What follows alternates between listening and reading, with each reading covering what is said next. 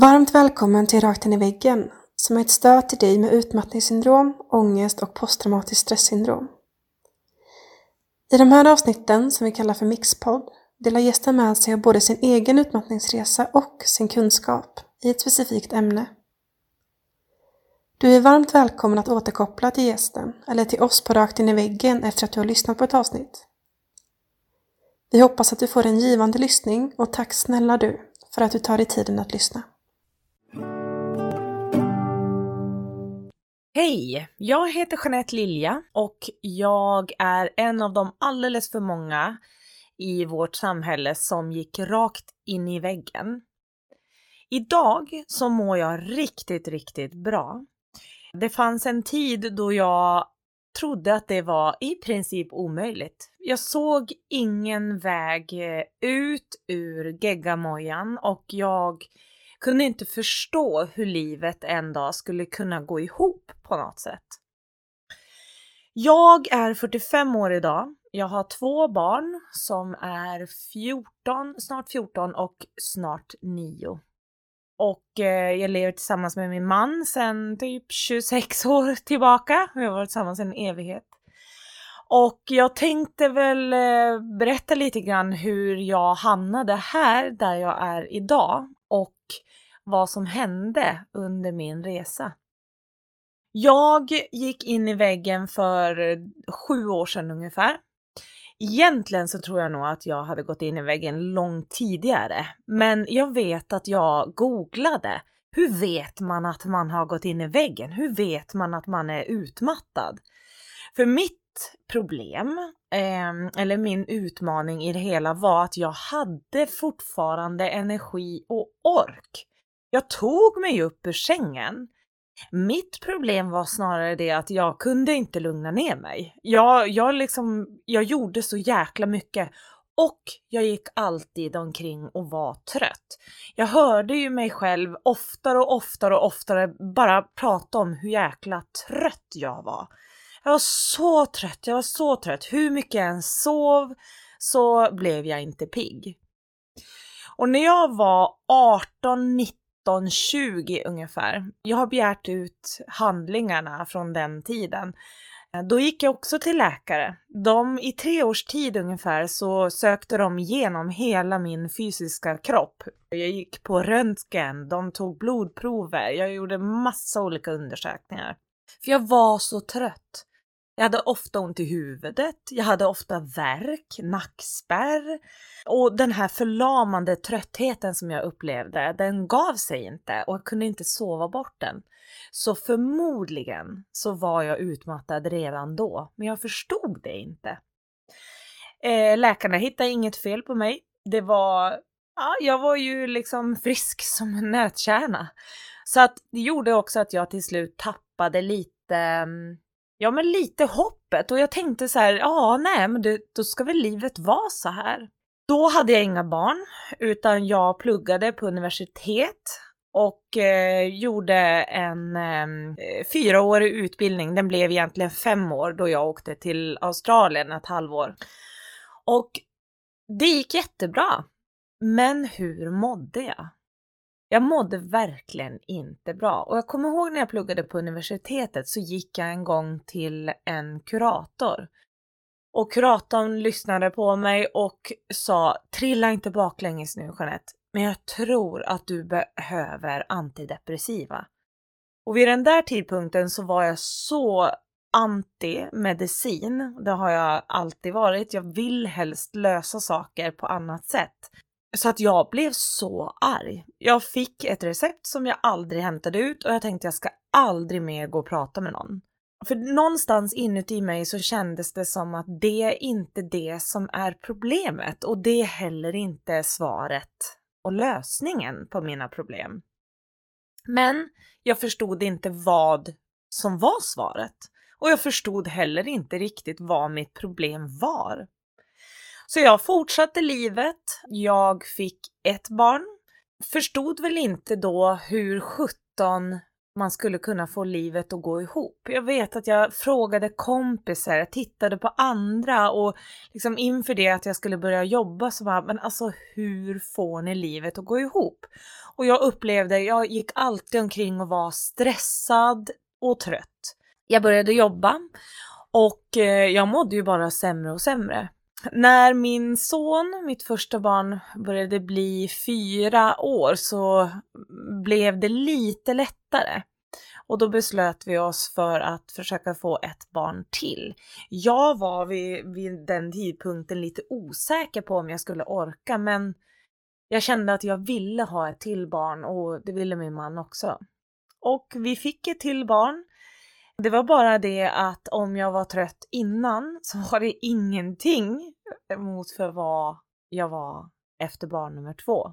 Det kändes som att livet inte var ett liv längre. Det kändes som att jag höll på att drunkna, som att jag kämpade för att hålla näsan ovanför vattenytan och att jag hela tiden var på väg under.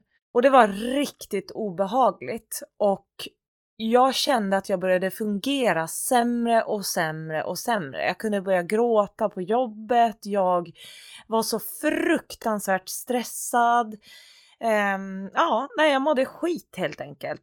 Det här slutade ju då med att jag till slut gick till vårdcentralen och sa jag, jag behöver nog hjälp. Jag hamnade hos en fantastisk bra läkare och hon eh, sjukskrev mig och jag bara grät.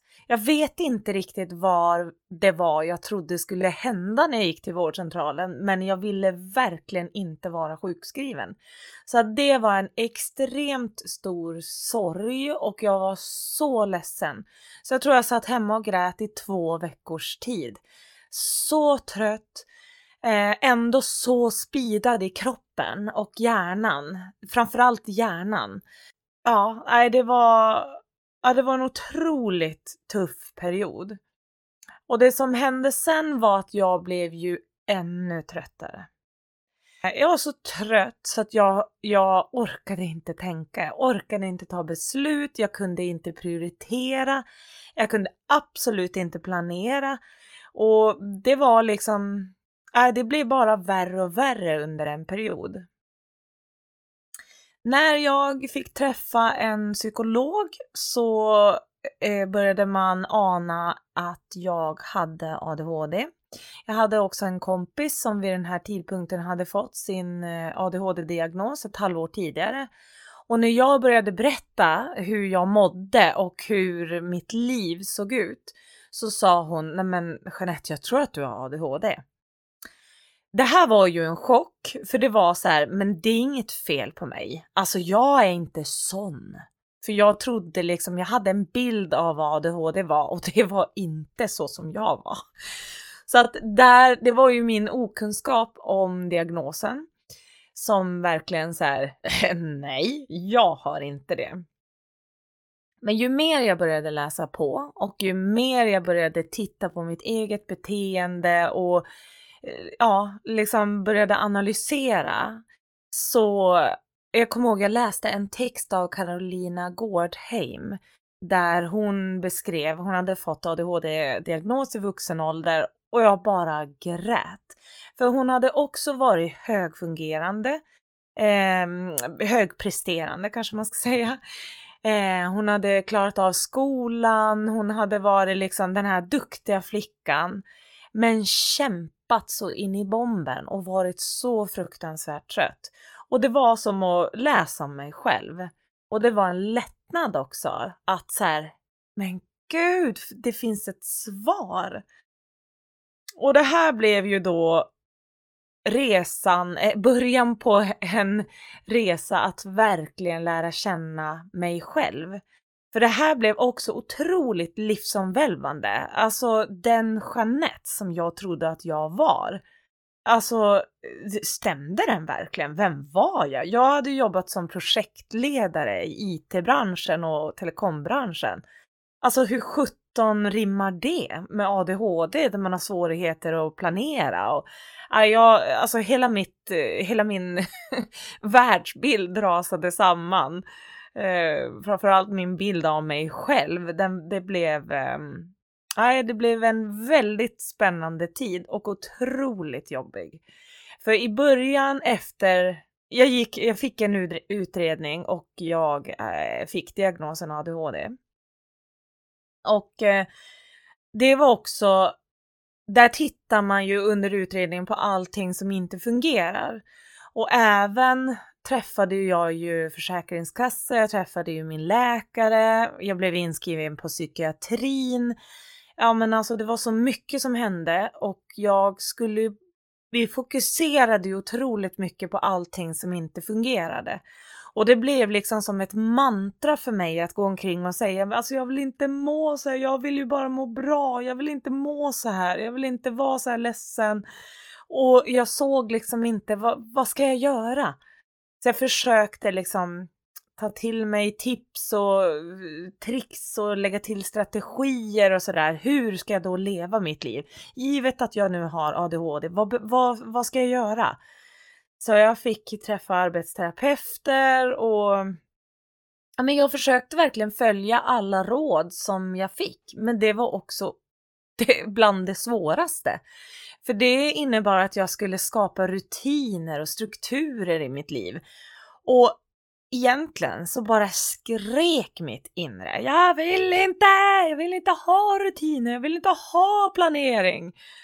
Och jag skulle liksom, det var de råden jag fick, så jag skulle försöka att anpassa mig.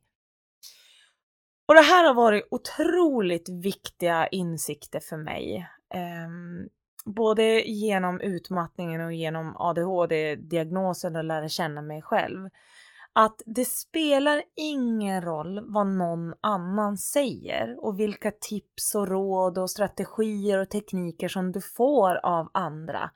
Det viktigaste av allt, det är att du känner efter. Så jag började ju jobba med att känna, men vad vill jag? Vad passar för mig? Vad behöver jag? Och för att veta det så var jag tvungen att veta, vad tycker jag om? Vad ger mig energi? När funkar jag som bäst? Vad tycker jag mindre om? Så att jag eh, kunde välja bland alla de här strategierna och teknikerna och känna efter, men vad vill jag ha? Och i början, jag kommer ihåg första gången jag skulle tänka på, men vad tycker du är roligt Jeanette? Jag kunde inte komma på en enda sak, förutom shopping. Och det råkade vara så att shoppingen blev min eh, eh, drog. Det blev mitt, eh, min dopaminhöjare i livet. Så att jag... Eh, det var inte en jättehälsosam shopping, för jag shoppade varenda dag. Och mest saker till mig själv. Och det fyllde ju sitt behov. Jag fick ju dopaminkickar och jag var på reor och det vart som en skattjakt och sådär. Men det blev ju förödande för min ekonomi. Det var ju inte bra. Eh, det gick till och med så långt att jag tog eh, små lån, eh, eller avbetalningar kan man säga. Jag handlade på Klarna och eh, kunde inte riktigt betala dem. Så att en dag fick jag ju skamset säga till min man, alltså jag skäms något fruktansvärt, men jag har så här mycket. Då hade jag 40 000 på Klarna och jag kan inte betala av det. Så han fick hjälpa mig att betala av det och jag fick klippa Klarna-kortet, jag fick bryta, eh, jag hade lagt in i telefonen så att jag kunde liksom bara med ett klick köpa i butiker trots att jag inte hade pengar. Så den funktionen fick jag ta bort och eh, han fick börja ha pengarna och sen så fick jag be om dem. Och det här var ju också förnedrande, att jag, ska, att jag inte kunde klara av att hålla i pengar och inte kunde klara av att låta bli att handla. Alltså, så att väldigt mycket i det här har varit att jag logiskt har tyckt att jag borde klara saker, men som jag sen inte har klarat. Och när jag fick både utmattningssyndromet och eh, ADHD-diagnosen så fick jag också generaliserad ångest som diagnos och social fobi. Eh, och det var, jag mådde fruktansvärt dåligt och hade ångest på topp så att jag började äta antidepressiva eh, trots att jag inte ville det. Men jag såg ingen annan lösning. Jag mådde så himla, himla dåligt. Um, och jag såg inga... Jag var liksom rädd och trött och ledsen hela tiden. Så där och då hjälpte de antidepressiva mig eh, i den akuta fasen och det var väldigt, väldigt skönt. Men det tog ganska länge innan jag började förstå att jag måste göra förändringar i livet för att det här ska bli långsiktigt hållbart. Och det här var inte lätt, för jag hade jobbat liksom 20 år eh, som projektledare i telekombranschen och med webb och kunder och sådär. Så att jag visste inte, alltså är det jobbet? Är det, jag har ju min familj och mina barn de kan ju inte välja bort och jag såg liksom inte lösningarna. Förrän jag började acceptera mig själv för den jag är. Började känna efter vad behöver jag? För det blev en ganska lång period av att jag la svaren hos alla andra. Jag trodde att alla andra experter, arbetsterapeuter, psykiatriker, psykologer, läkare, jag trodde att alla de satt på svaren om mitt liv. Så att jag Eh, jag var ju också väldigt driven. Det var ju aldrig något fel på mitt driv, trots att jag var utmattad. Och det här förbryllade ju läkarna Ehm, för tyvärr så blev det så att uh, jag upplevde att man delade upp mig i två delar. Den ena delen som var utmattad, den fick höra hemma hos um, vårdcentralen. Den delen av Jeanette som hade ADHD, den fick uh, förskrivas in till psykiatrin. Och de pratade inte med varandra Eh, och de förstod heller inte den andra diagnosen. Så på ADHD-mottagningen så förstod man inte riktigt mig. För att jag var Ja, jag hade klarat så länge saker och eh, hade hög kapacitet inom vissa områden och andra inte och sådär. Och det gjorde ju mig, jag var ju så osäker själv i mig själv vid den här perioden. Och det underlättade ju inte att vården på alla ställen tittade på mig och bara hmm, alltså vad märkligt, vad mer är fel på dig Jeanette? Och just den där vad mer är fel på dig?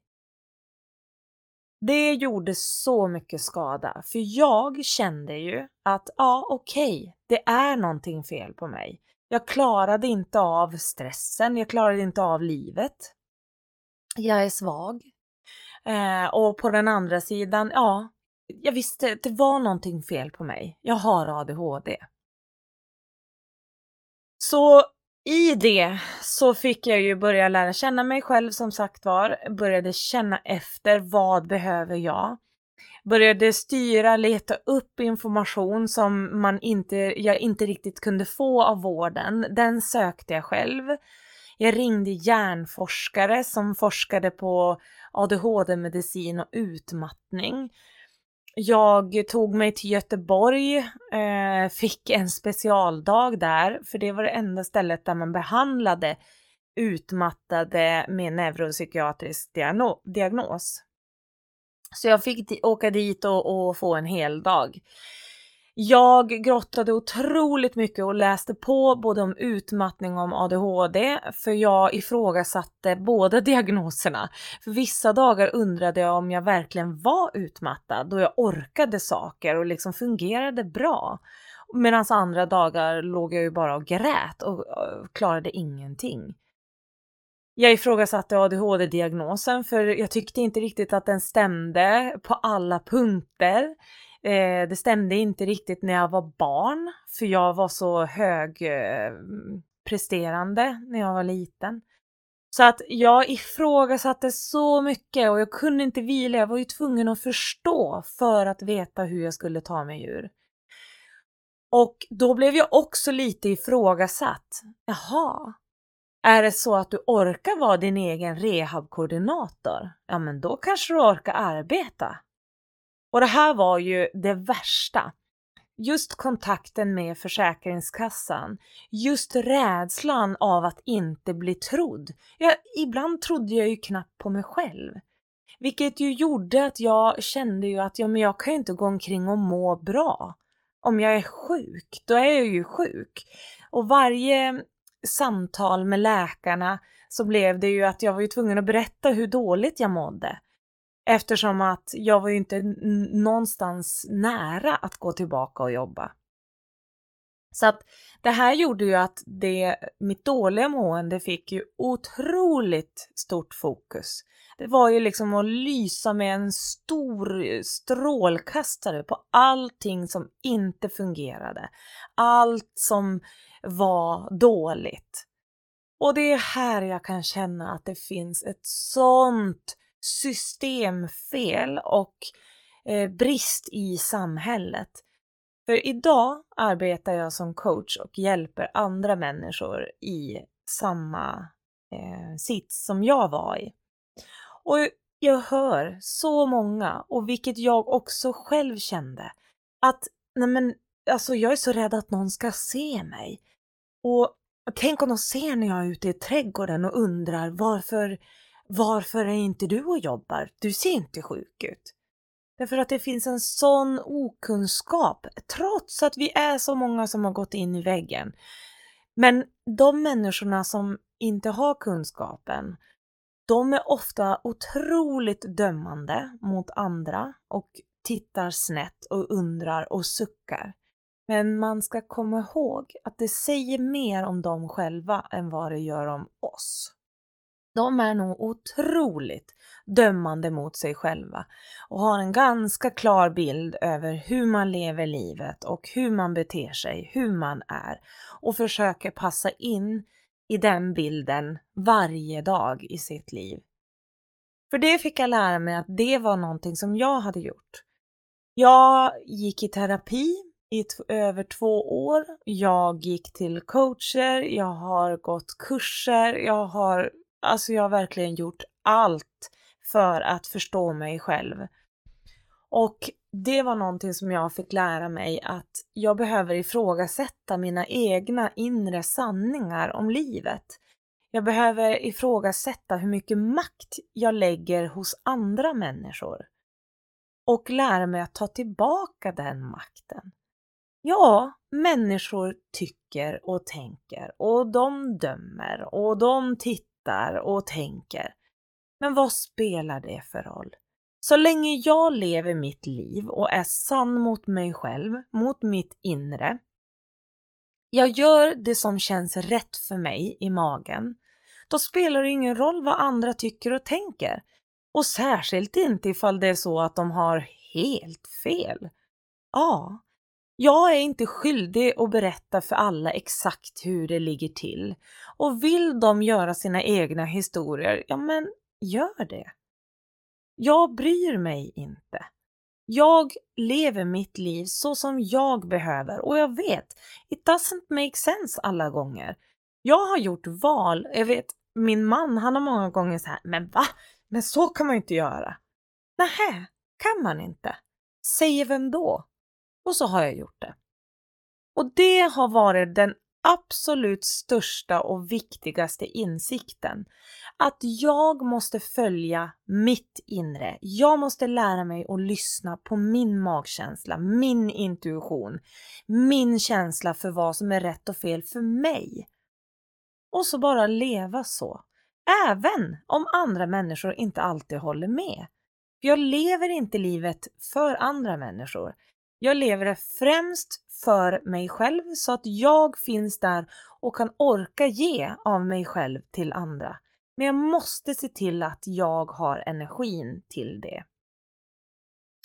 Så det blev ju eh, att titta på liksom arbetet. Vad, ja, jag tyckte ju att det var jättekul, men vad gav det mig?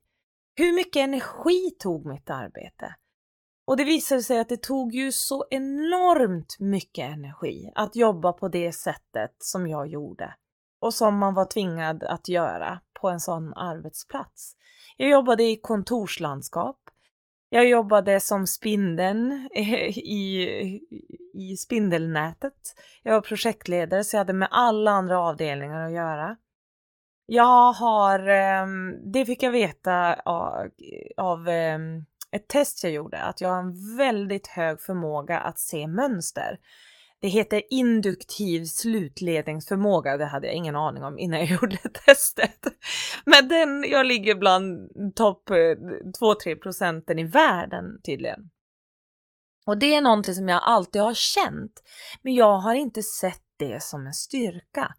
Eftersom att jag ofta har varit ganska ensam på arbetsplatserna om att ha den här förmågan så har ju det gjort mig ganska ensam. Och också, jag har försökt få andra att se den här bilden men jag har inte riktigt förstått att de inte kan se den. Ja, våra hjärnor har funkat på olika sätt och det har lite, det har lite grann sett som att jag har varit jobbig, Eh, jag kanske har trampat folk på tårna för att jag har sagt och kunnat saker som jag egentligen inte borde kunna. Vilket har gjort att den personen som kanske borde ha kommit med idén inte gjorde det och känner sig otillräcklig. Och det här har jag ju förstått i efterhand och det kostade så mycket energi att aldrig bli riktigt förstådd och också känna att jag kunde tillföra så mycket bara de gav mig chansen och jag kände att jag inte riktigt fick den. Och jag tog den inte heller. Jag ville inte synas och höras. Jag krympte ju mig själv mer och mer och mer ju sämre jag mådde. Så jag lät alla andra synas och höras förutom jag själv. Så allt som var jag fick inte plats i livet. Så där har jag ju jobbat med att ta tillbaka och hitta tillbaka till Jeanette den jag verkligen är. Ja, jag pratar högt. Jag pratar ofta ganska snabbt. Eh, jag pratar mycket. Jag eh, älskar att hjälpa andra människor. Eh, det ger mig, alltså, och jag gör det verkligen inte för egen vinning. Jag älskar när jag kan ge något till andra så att de kan ta sig vidare.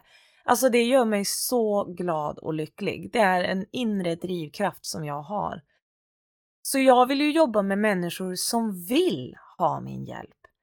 Inte människor där jag försöker kasta min hjälp på och de vill inte ens ha den. Så att jag jobbade ju på så många sätt i motvind. Jag har lite svårt med saker, jag tappar, jag har lite så här, det blir lätt rörigt för mig om jag har mycket saker. Det var ju en katastrof för mig att jobba på en arbetsplats där man inte fick sitta på samma plats. Så skulle du på ett möte mer än en timme så var du tvungen att ta med dig alla sakerna för att sen gå och sätta dig på en annan plats när du var klar med ditt möte. Alltså, och plus att mötena var ju, de började hel timme så att ibland satt man ju på ett möte och så skulle du, när det tog slut så skulle du vara på andra sidan byggnaden i samma sekund liksom. Det var ju fysiskt omöjligt. Så att eh, det var otroligt mycket stress och min hjärna hann inte landa mellan mötena. Jag hann knappt eh, förstå vad det var jag skulle ha möte om. För jag var, jag var ju kvar, det hade ju kommit in så mycket information på det förra mötet. Så att, jättekul, jag älskade pulsen, jag älskade, tyckte, eh, tyckte det var skitkul med människorna och liksom göra saker och, och sådär. Men det kostade mig så otroligt mycket. Så efter många år hemma och i många tårar så fort jag började tänka på jobbet så fick jag panik. För jag tänkte i gamla vanor, eh, eller i gamla banor. Och jag hade så svårt att se lösningarna och det var också för att jag var rädd. Jag var rädd att snart kommer Försäkringskassan eh, eh, sparka ut mig, snart får jag inte vara sjukskriven längre. Hjälp, jag måste lösa det här. Hur gör jag? Eh, jag hade en liten önskan om att så här, men jag tror faktiskt att jag borde vara egen företagare. Men jag var så rädd, vilket också gjorde att jag såg inte de stegen som jag behövde ta eller som jag kunde ta. Rädslan gjorde så att jag tappade kreativiteten, för så gör hjärnan. I ett tillstånd av rädsla eller där du behöver fightas eller fly där ska det inte finnas rum för kreativitet och liksom åh, härlig känsla och eh, låta hjärnan vandra utan du ska överleva. Det är den enda uppgift som hjärnan har i det läget. Så att jag var ju alltid i fight or flight läget. Och det önskar jag så att man kunde förstå just läkare och Försäkringskassan med sjukskrivningar. För att när man, har, när man går in i väggen, då har man inte levt i enlighet med sitt, den man är. Man har tappat bort sig själv, man har inte fyllt på tillräckligt med energi, man har inte satt sig själv främst. Man har inte återhämtat sig. Det är på så många sätt så behöver man ju ha en ganska lång period av återhämtning och den kan se olika ut. Det kan vara absolut att man kan behöva sova och vila och bara ligga stilla. Men det kan också vara att fylla på med skratt, glädje, trygghet, göra saker som man tycker är kul. Och det kommer jag ihåg att det sa man till mig i början när jag gick in i väggen. Gör saker som du tycker är kul. Och jag visste ju inte ens. Vadå kul? Shoppa eller?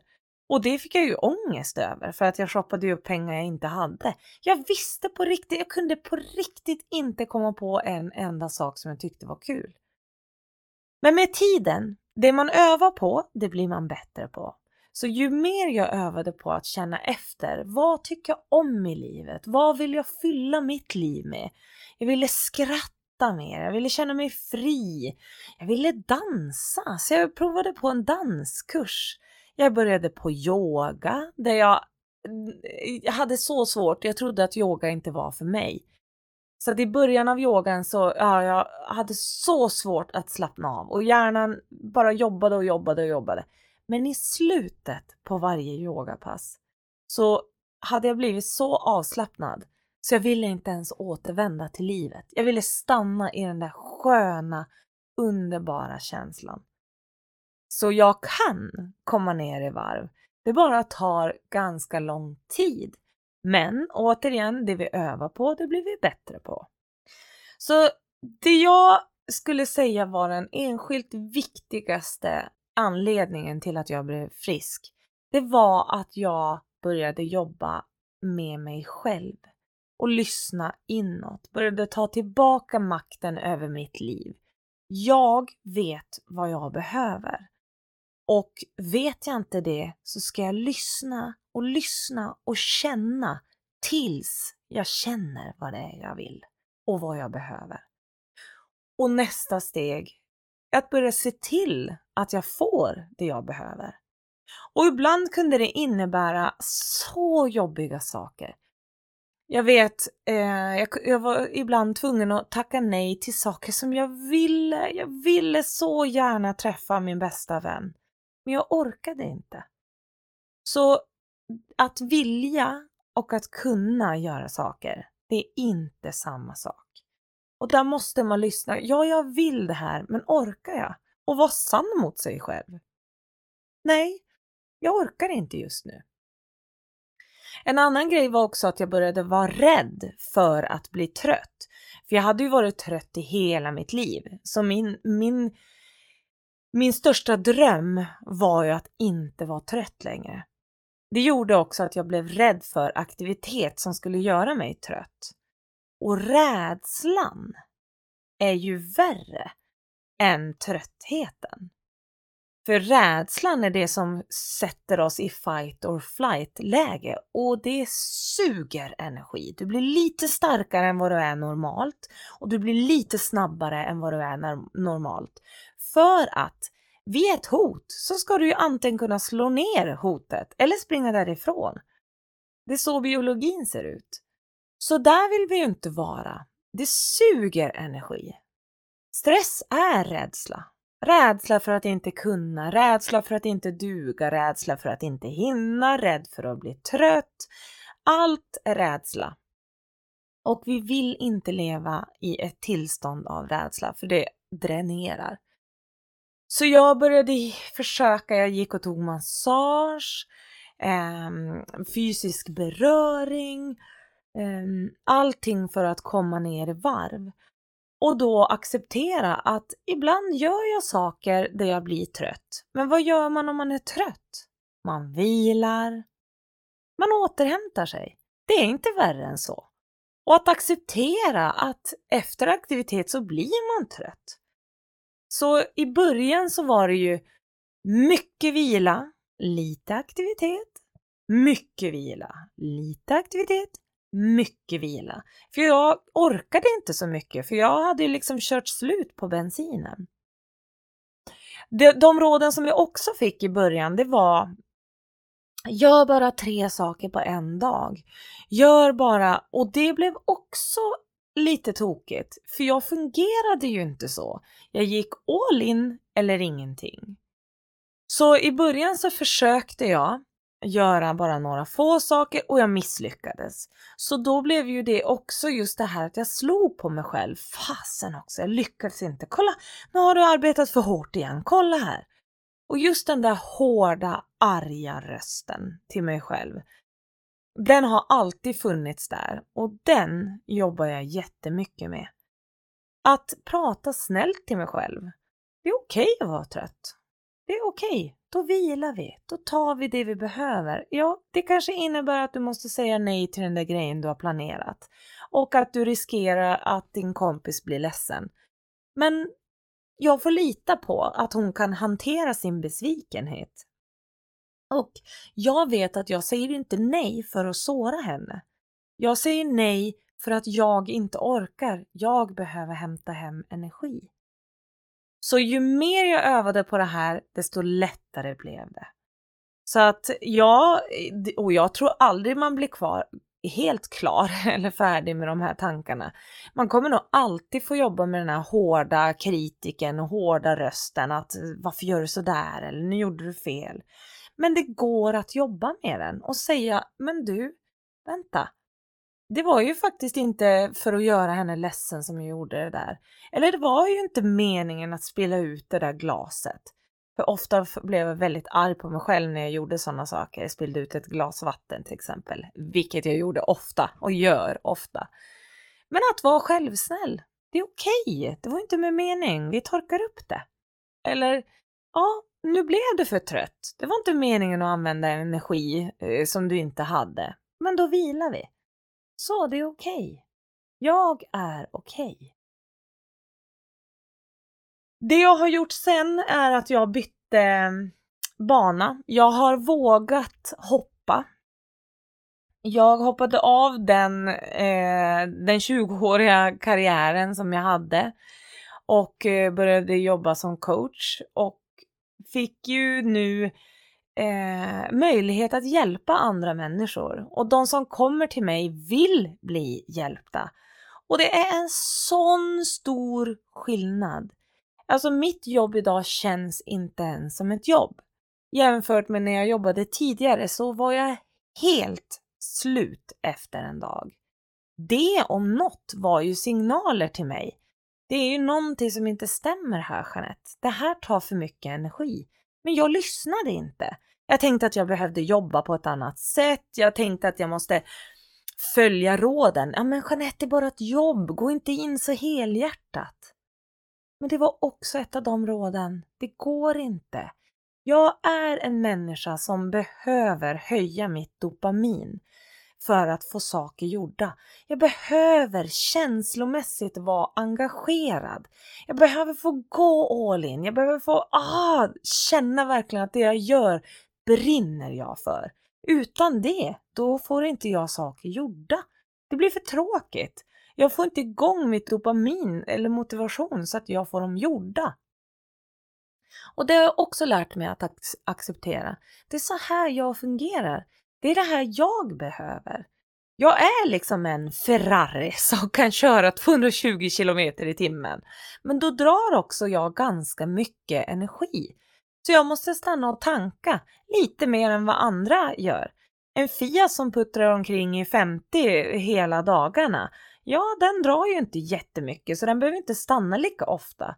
Plus att det går ganska mycket snabbare att fylla den tanken för den är mycket mindre än min. För mig tar det ett bra tag att fylla upp min tank. Och jag behöver acceptera det. Jag behöver känna att det är det här jag behöver i mitt liv.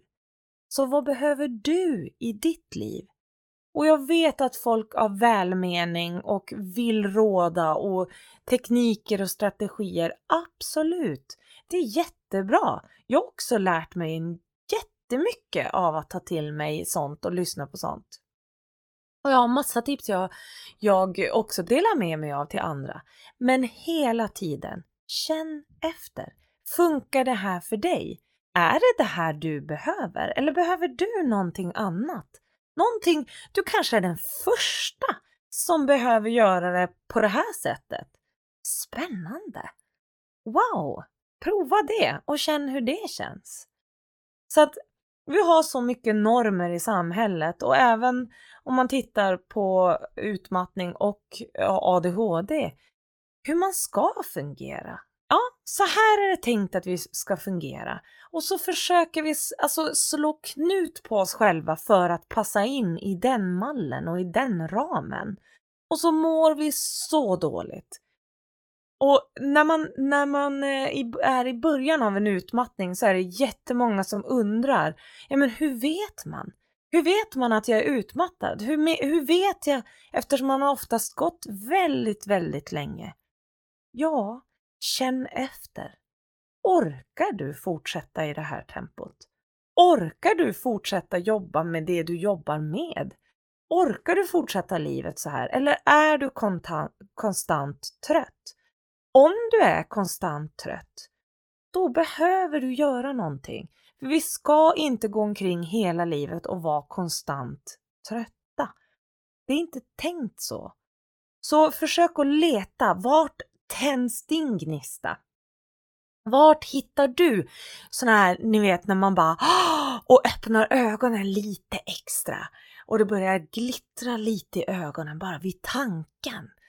Öva på att känna. När pratar du lite snabbare, lite mer intensivt? Vad behöver du få mer av i ditt liv?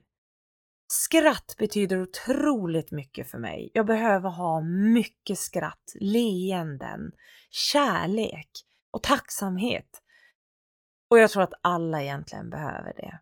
Men jag kunde verkligen, verkligen sakna det i mitt liv. Så att idag så får jag leenden, jag får skratt, jag får också väldigt mycket tårar och det är okej. Okay. Hela känsloregistret får plats. Och bara att kunna acceptera det. Ibland är vi jätteledsna. Ja, det är okej. Okay.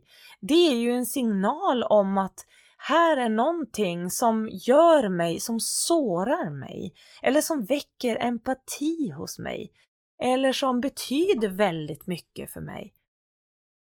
Så att, att våga känna det och inte tänka att nej men gud, jag måste äta antidepressiva, jag måste få ett mycket jämnare liv.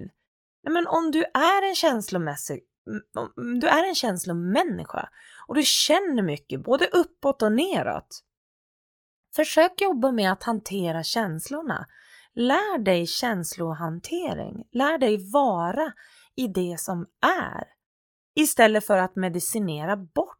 Känslor, det är ju absolut viktigaste signalerna som vi har för att vår hjärna och kropp ska kunna säga till oss Hallå, det är någonting som är fel här.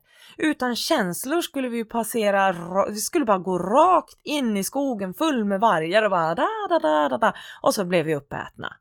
De ångest ska ju väcka väckas då det bara oh shit, här är någonting som inte stämmer.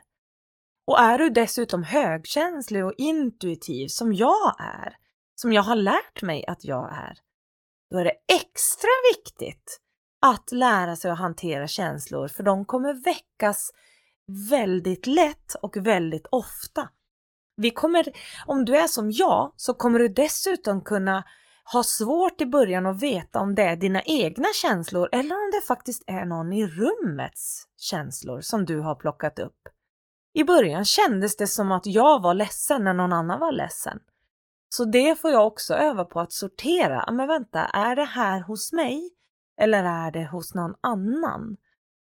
Och det är så fascinerande. Jag blir faktiskt, ju mer jag accepterar den här förmågan eh, och ju mer tillfreds jag är med den, desto häftigare tycker jag att det är.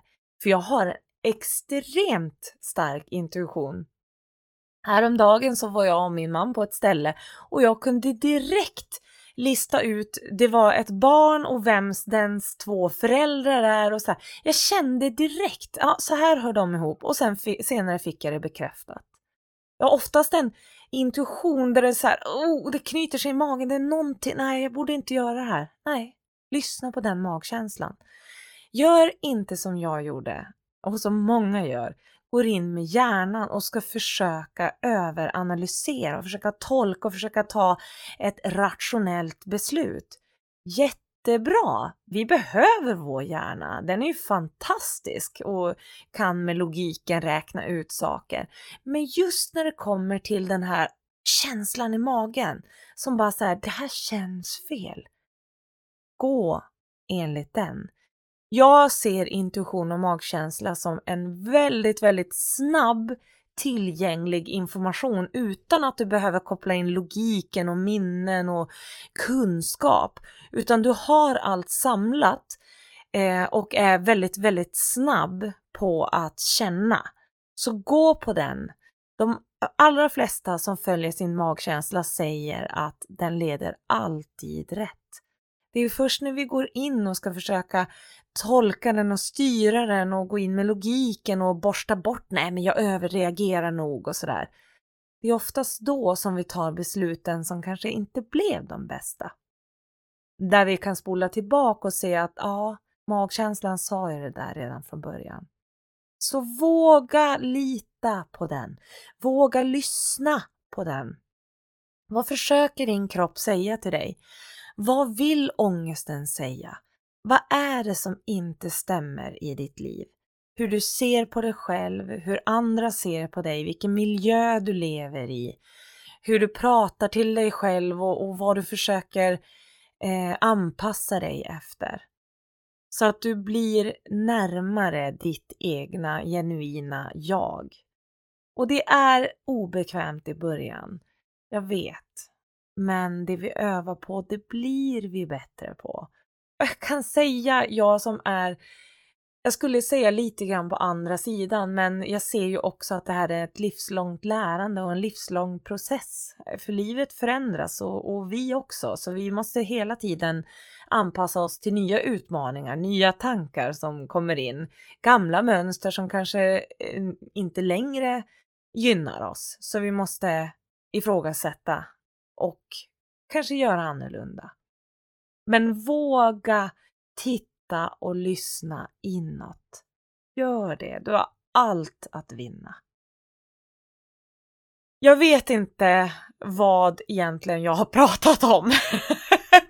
det här blev mina samlade tankar och jag vill bara ge dig som känner att fan, jag är fast, jag förstår inte hur det här ska gå framåt. Jag vet, jag har varit där.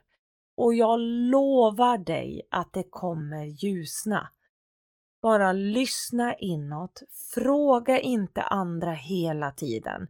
Du kan prata med andra men sålla bland råden och tipsen genom att använda vad rimmar med mig? Vad känns rätt? Vad behöver jag? Och lär dig att sätta dig själv på just det här med syrgasmasken kom ihåg att om du inte sätter syrgasmasken på dig själv först, då kommer du svimma av av syrebrist och då kan du inte hjälpa någon. För då ligger du avsvimmad. Men om du tar syrgasmasken på dig själv först, då kommer du att ha syre, tillgång till syre, så du kommer kunna fortsätta hjälpa andra. Men du måste sätta på dig syrgasmasken först. Och jag har hört det här tusen gånger, men poletten trillar ner djupare och djupare. Det är därför jag säger den här igen. Jag vet att det låter som en gammal klyscha, men den är så sann. Den är verkligen så sann. Så ja, med det sagt, det finns hopp, jag lovar dig. Och eh, är det så att du skulle vilja ta hjälp av mig, jag är eh, livscoach och ADHD-coach. Eh, du kan gå in på janettelilja.se. Där kan du boka tid hos mig om du skulle vilja. Jag eh, har också en e-postadress som är hej janettelilja.se eh, där du kan gå in och ehm, skriva ett mail till mig om du vill komma i kontakt. Eh, jag driver också en podd som heter Vi snackar ADHD om du vill eh, lyssna mer på eh, mig och Anna Hallén som jag driver den podden tillsammans med. Den är fantastisk. Eh, om jag får säga det själv, den breddar synen på ADHD och eh, ja, oavsett om du har det eller inte, bara lyssna och känn efter om det vi säger rimmar med ditt inre och vad du tror på. Ta hand om dig och eh, ja, all kärlek från mig till dig som lyssnar och eh, tack för att jag fick vara med och dela min berättelse. Kram på er. Hejdå! Vill du också medverka i Rakt in i väggens podcast? Besök vår hemsida för mer information på www.raktinivaggen.com medverkan. Om du vill tipsa oss om en poddgäst eller om du har en fråga eller synpunkt på det vi gör kan du alltid mejla oss på podcast raktinivaggen.com för att få svar. Tack för att du lyssnar.